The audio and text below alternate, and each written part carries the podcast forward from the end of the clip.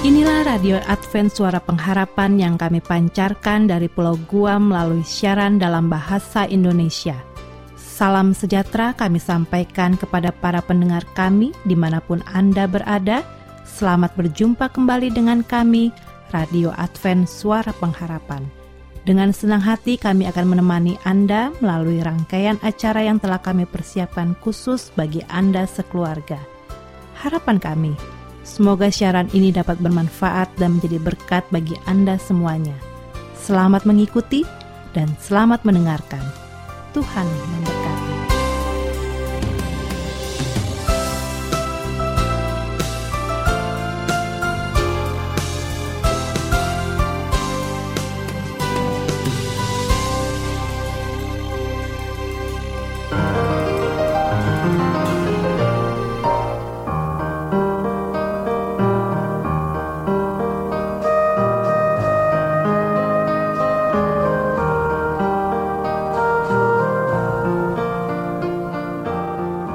Pendengar yang kami kasihi, saat ini Anda akan mengikuti serial Inspirasi Wanita yang diangkat dari pena inspirasi dan berbagai sumber terbaik untuk memenuhi kebutuhan para wanita masa kini. Serial ini dikemas secara ringkas dan syarat informasi untuk meluaskan wawasan para wanita, juga pengembangan diri secara menyeluruh, sehingga kehidupan para wanita terus-menerus menjadi berkat bagi kehidupan sesama dan nama Tuhan dimuliakan. Selamat mengikuti.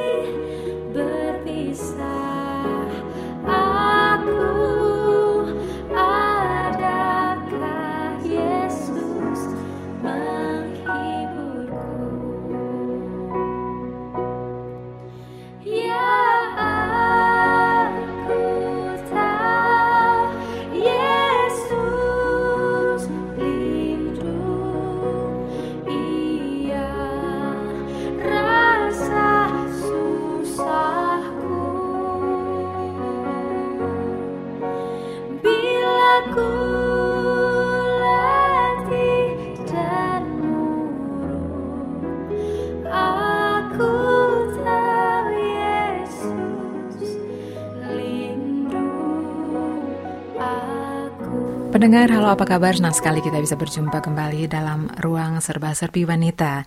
Khususnya untuk Anda, rekan-rekan wanita, saya ingin menyapa Anda. Mudah-mudahan kali ini Anda berbahagia dan tentunya informasi akan saya bagikan untuk Anda bisa bermanfaat bagi Anda. Kali ini kita akan membahas tentang hepatitis dan kehamilan. Menurut mitos, wanita hamil dengan riwayat hepatitis beresiko tinggi melahirkan bayi cacat. Pendengar, benarkah demikian mitra wanita?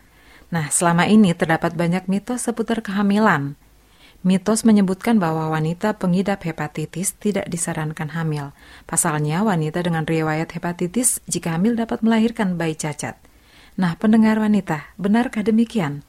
Sebelum menilai, sebaiknya kita simak dulu informasi yang akan saya bagikan untuk Anda. Tentang hepatitis, kita tahu semua bahwa hepatitis merupakan satu kondisi peradangan hati yang disebabkan virus penderita akan menjadi carrier atau pembawa namun dapat menularkan penyakitnya. Bahkan bisa saja menularkan pada petugas medis yang menolong saat persalinan.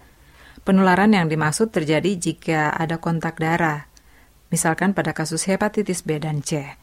Pasalnya, pengidap hepatitis membawa virus ini dalam darahnya. Selain itu, virus terdapat juga dalam urin, feses, dan air ludah.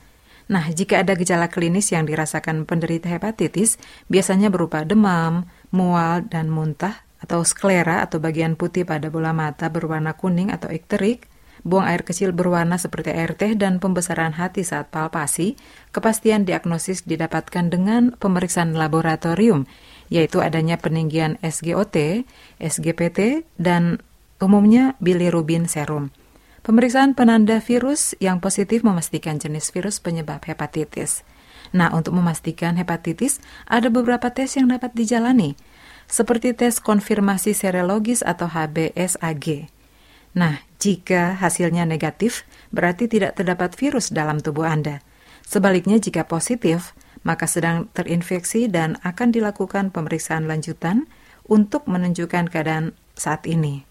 Kemudian yang kedua, tes konfirmasi kekebalan atau anti-HBS. Berarti Anda kebal terhadap hepatitis B dan segera dilakukan pemeriksaan terhadap jumlah virus yang ada dalam darah. Kemudian tes konfirmasi serologis hepatitis C atau anti-HCV dan tes faal hati. Nah, apa saja resiko janin? Layaknya pada kehamilan normal, jika tidak dirawat dan dipantau dengan baik, ibu maupun janin sama-sama memiliki resiko. Hanya saja pada wanita penderita hepatitis memang ada resiko lain yang menyertai, di antaranya resiko untuk penularan pada bayi. Nah, rekan wanita untuk menghindari bayi terinfeksi hepatitis, sedini mungkin setelah lahir ia akan diberikan vaksin. Meski demikian, resiko kecacatan pada bayi akibat ibu mengidap hepatitis nyaris tidak ditemukan. Nah, rekan wanita bagaimana dengan resiko pada ibu? Menurut dokter Uf, hepatitis sebenarnya juga dapat menimbulkan resiko buat ibu. Apabila didapatkan wanita hamil dengan hepatitis virus, maka terdapat dua kemungkinan proses penyakit yang berbeda. Kedua kemungkinan tersebut adalah yang pertama terjadi infeksi virus hepatitis secara kebetulan atau koinsidensi pada wanita hamil tersebut. Dalam hal ini infeksi tersebut umumnya bersifat akut. Kejadian ini relatif sering namun kehamilan umumnya tidak menambah berat perjalanan penyakit hepatitis virus yang terjadi kecuali untuk hepatitis virus E. Kondisi patologi yang lebih berat ini dikaitkan juga dengan status nutrisi yang buruk, terutama defisiensi protein. Yang kedua, kehamilan terjadi pada wanita yang sebelumnya sudah menderita hepatitis virus. Dalam hal ini terdapat kemungkinan hepatitis tersebut bersifat kronis. Dalam keadaan ini, resiko morbiditas atau mortalitas ibu hamil akan meningkat sejalan dengan beratnya hepatitis kronis. Nah, apa yang harus dilakukan rekan wanita? Tentunya tindakan preventif hanya dapat dilakukan untuk hepatitis virus A dan B, serta untuk individu yang belum pernah terkena infeksi virus tersebut. Prinsip pengobatan pasien hepatitis virus bersifat suportif meliputi antara lain istirahat yang cukup, pemberian suplemen, dan pada kondisi khusus obat antiviral. Pencegahan transmisi ke janin dilakukan dengan screening HBsAg untuk semua ibu hamil Selanjutnya pemberian imunoglobulin antihepatitis B pada bayi baru lahir dalam 24 sampai 72 jam pertama untuk ibu dengan HBsAg positif. Pasien dengan keadaan umum lemah atau nilai SGOT, SGPT, dan bilirubin cukup tinggi sebaiknya dirawat di rumah sakit. Nah, idealnya sebelum hamil sebaiknya rekan wanita dan pasangan Anda sebaiknya berkonsultasi dengan dokter kandungan mengenai keinginan untuk memiliki momongan, termasuk berterus terang pada dokter jika mengidap satu penyakit misalnya hepatitis maupun jika ada riwayat penyakit tertentu. Kemudian tes kesehatan sebelum hamil memudahkan dokter untuk melakukan serangkaian pengobatan jika ditemukan satu penyakit, karena pengobatan saat hamil relatif lebih beresiko. Kemudian, rekan wanita disiplin terhadap saran dokter, baik saat merencanakan kehamilan maupun dalam menjalani kehamilan. Yang terakhir, rekan wanita, jika telah positif hamil, rutinlah memeriksakan kehamilan dan menjaga pola makan dan gaya hidup yang sehat sesuai anjuran dokter, termasuk hindari rokok, alkohol, dan beristirahatlah dengan cukup. Rekan wanita, mudah-mudahan informasi yang sudah saya bagikan untuk Anda bukan membuat Anda takut, tetapi semakin jeli, sebelum merencanakan kehamilan untuk berkonsultasi dulu dengan dokter. Jangan takut dengan resiko penyakit yang akan Anda jalani. Kiranya bermanfaat. Sampai jumpa pada rubrik serba-serbi wanita yang akan datang. Tuhan memberkati.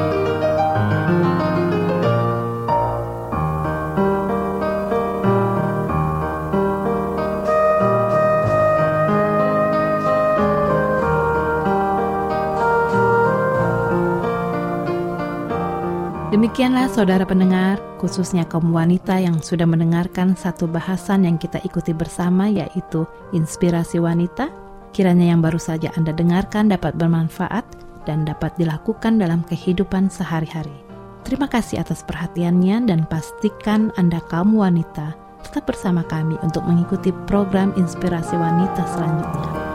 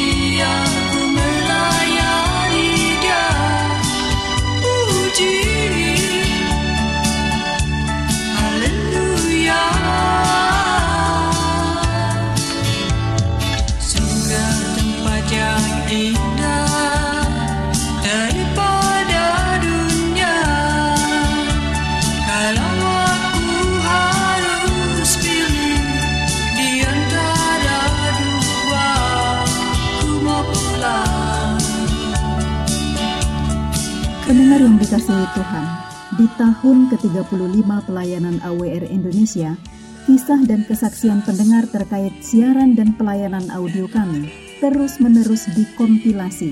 Terima kasih banyak untuk yang sudah menyampaikan dan masih terbuka bagi Anda semua untuk segera SMS atau telepon ke nomor AWR di 0821 1061 1595 atau 0816 1188 302 untuk WhatsApp dan Telegram. Kami tunggu para pendengar dukungan Anda. Selanjutnya marilah kita mengikuti mimbar suara pengharapan. Pernah ku tersesat, Yesuslah selamatkan, dan sinar kasih surga penuhi jiwaku. Namaku tersurat di kitab al-hayat, berjalan dengan Yesus hidupku selamat. Inilah mimbar suara pengharapan dengan topik pembahasan Ucapkanlah kehidupan, bukan kematian. Selamat mendengarkan. Jawab doamu Bila kau rasakan berkat doamu Lalu imanmu makin bertumbuh selamatlah hidupmu Dalam kasihku. Salam suratku yang diberkati Tuhan, kita patut bersyukur atas segala berkat yang Tuhan sudah berikan kepada kita semua, terutama mendengarkan sabda Tuhan dalam acara mimbar suara pengharapan bersama saya Pendeta Togar Simanjuntak. Dengan judul pembicaraan kita kepada anak-anak, ucapkanlah kehidupan, bukan kematian.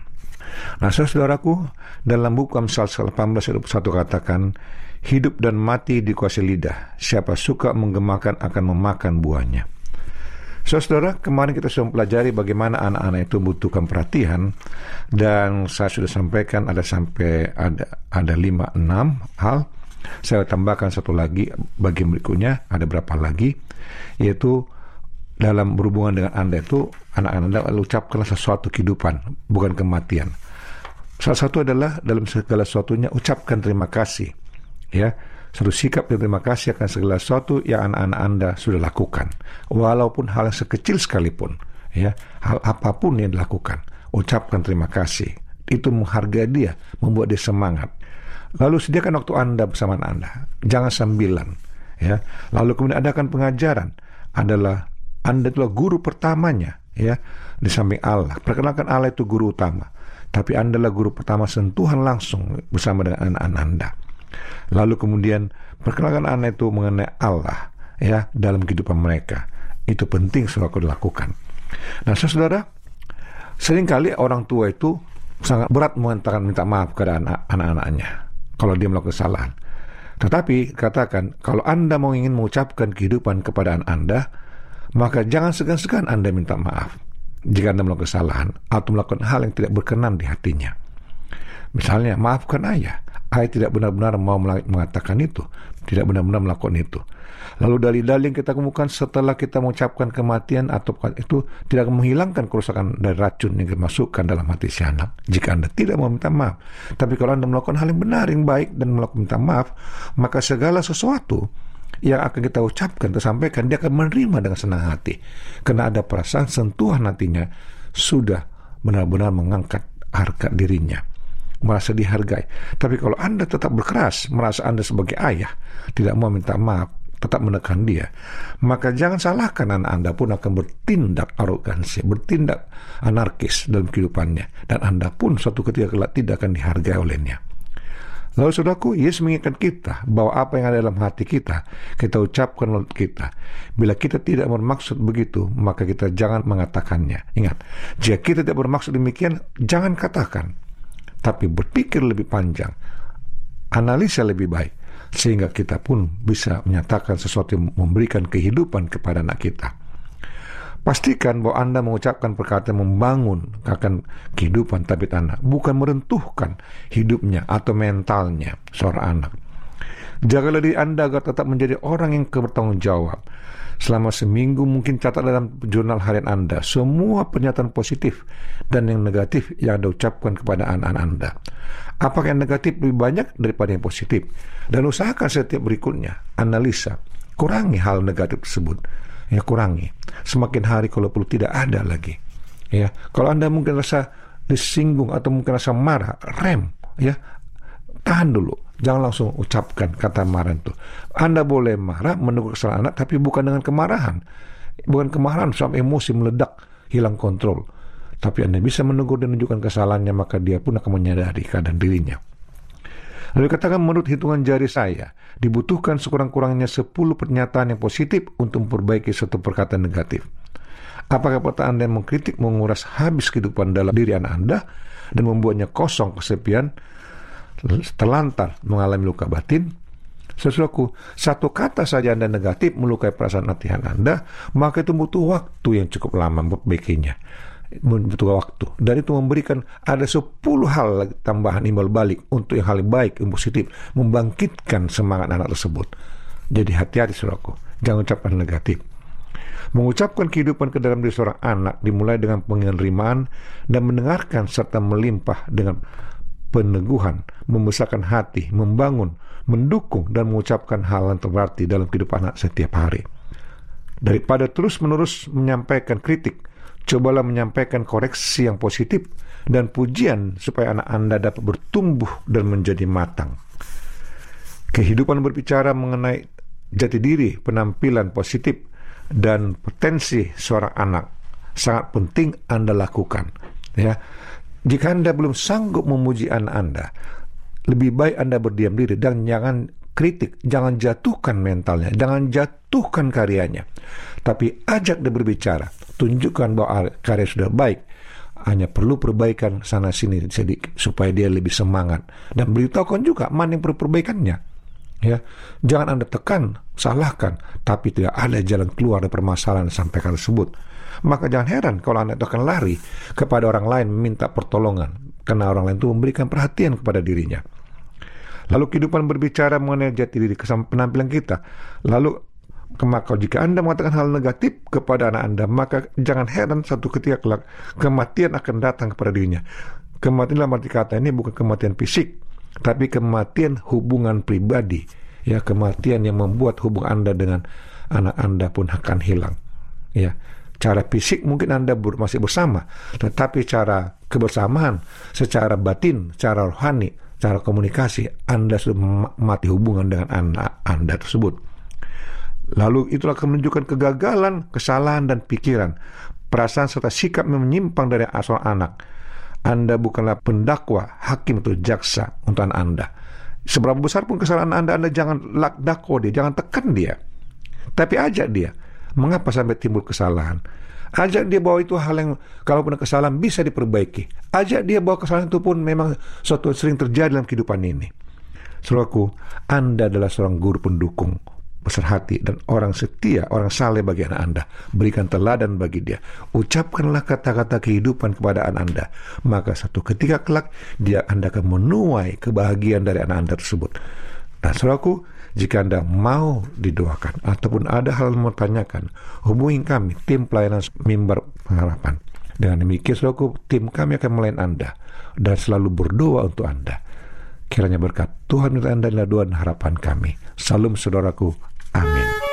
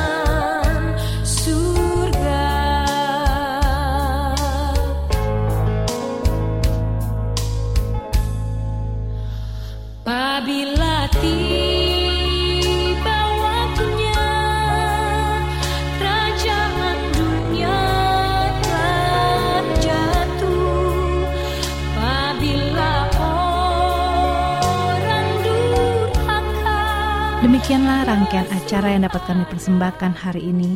Dan apabila Anda mempunyai pertanyaan atau ingin mendapat pelajaran Alkitab penemuan baru, silakan menghubungi kami dengan cara mengirimkan surat ke alamat Radio Advent Suara Pengharapan, PO Box 8090, Jakarta 12810 Indonesia. Telepon 0821 1061 1595. Alamat email awrindonesia@yahoo.co.id. Anda juga dapat bergabung di Facebook kami, pendengar Radio Advent Suara Pengharapan, juga Radio Advent Suara Pengharapan. Terima kasih kami ucapkan bagi Anda semua pendengar kami yang setia. Kita akan berjumpa kembali pada waktu dan gelombang yang sama esok hari. Salam kasih dan sejahtera. Kiranya Tuhan memberkati kita semua. Jika pun